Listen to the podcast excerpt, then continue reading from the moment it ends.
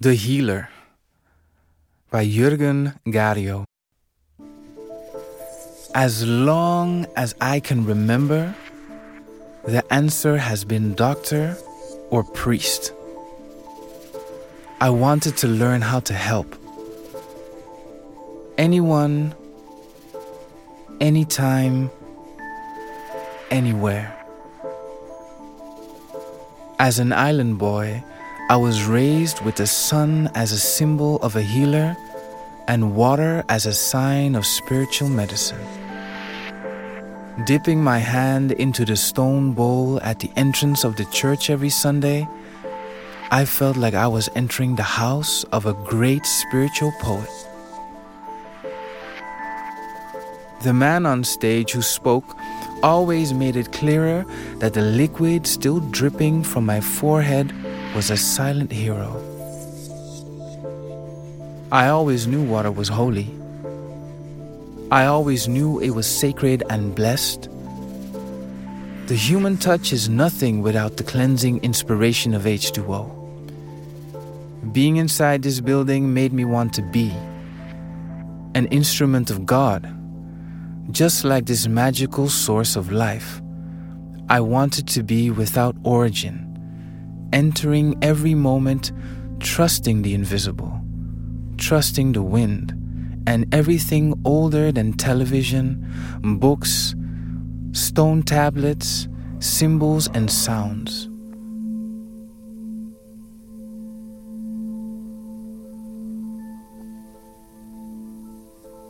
I didn't identify with a God that creates a book, or a religious system, or an alphabet, but I wanted to be the space itself. A God, allowing me, myself, to follow the rhythm and the flow of a virtuous voice unseen,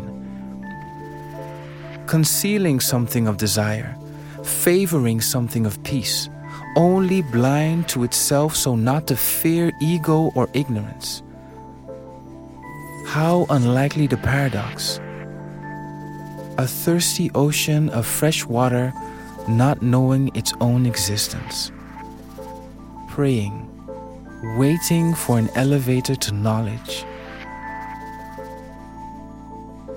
The necessity for an answer makes this tender reality probable where I, as a child, as a teen, could envelope myself within the simple mystery of the origin of my own misery?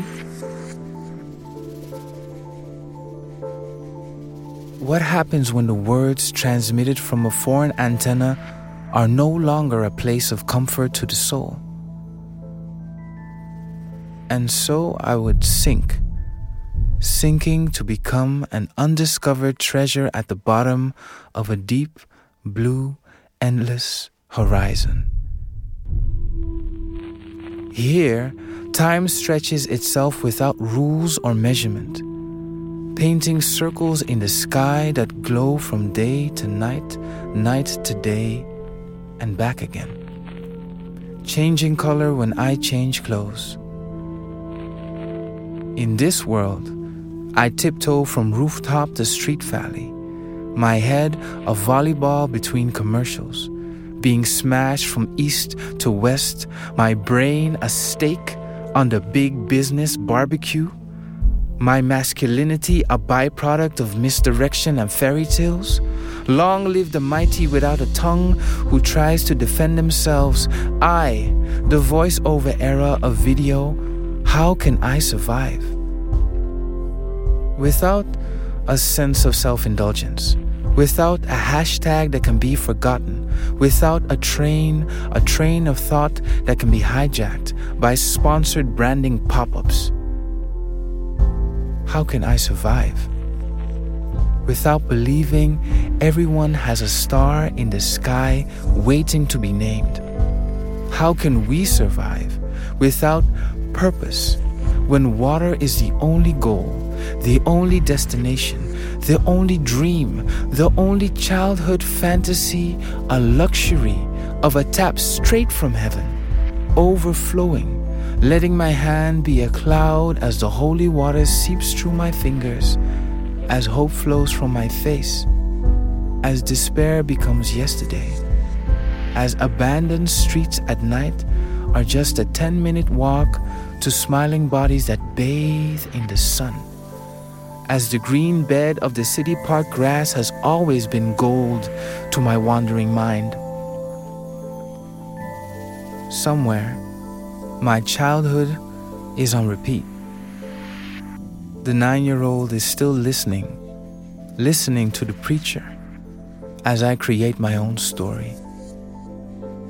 The flamingo and the crocodile join my quest, the mortal migration to the beginning, and then back to the beginning, a river in reverse, wanting to stay away from further exploration and mapping accepting that the living, learning motion has no shape, accepting that time is a tall tale told by trees who have only spoken to those who don't feed blood to the roots, accepting that value is not given by the mind.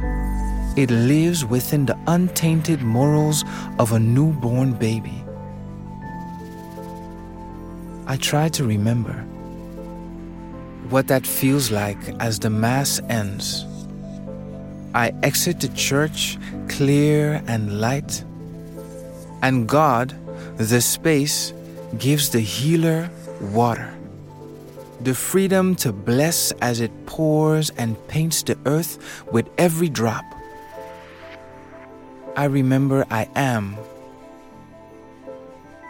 Let the movement occupy the spirit and life will mirror the healer.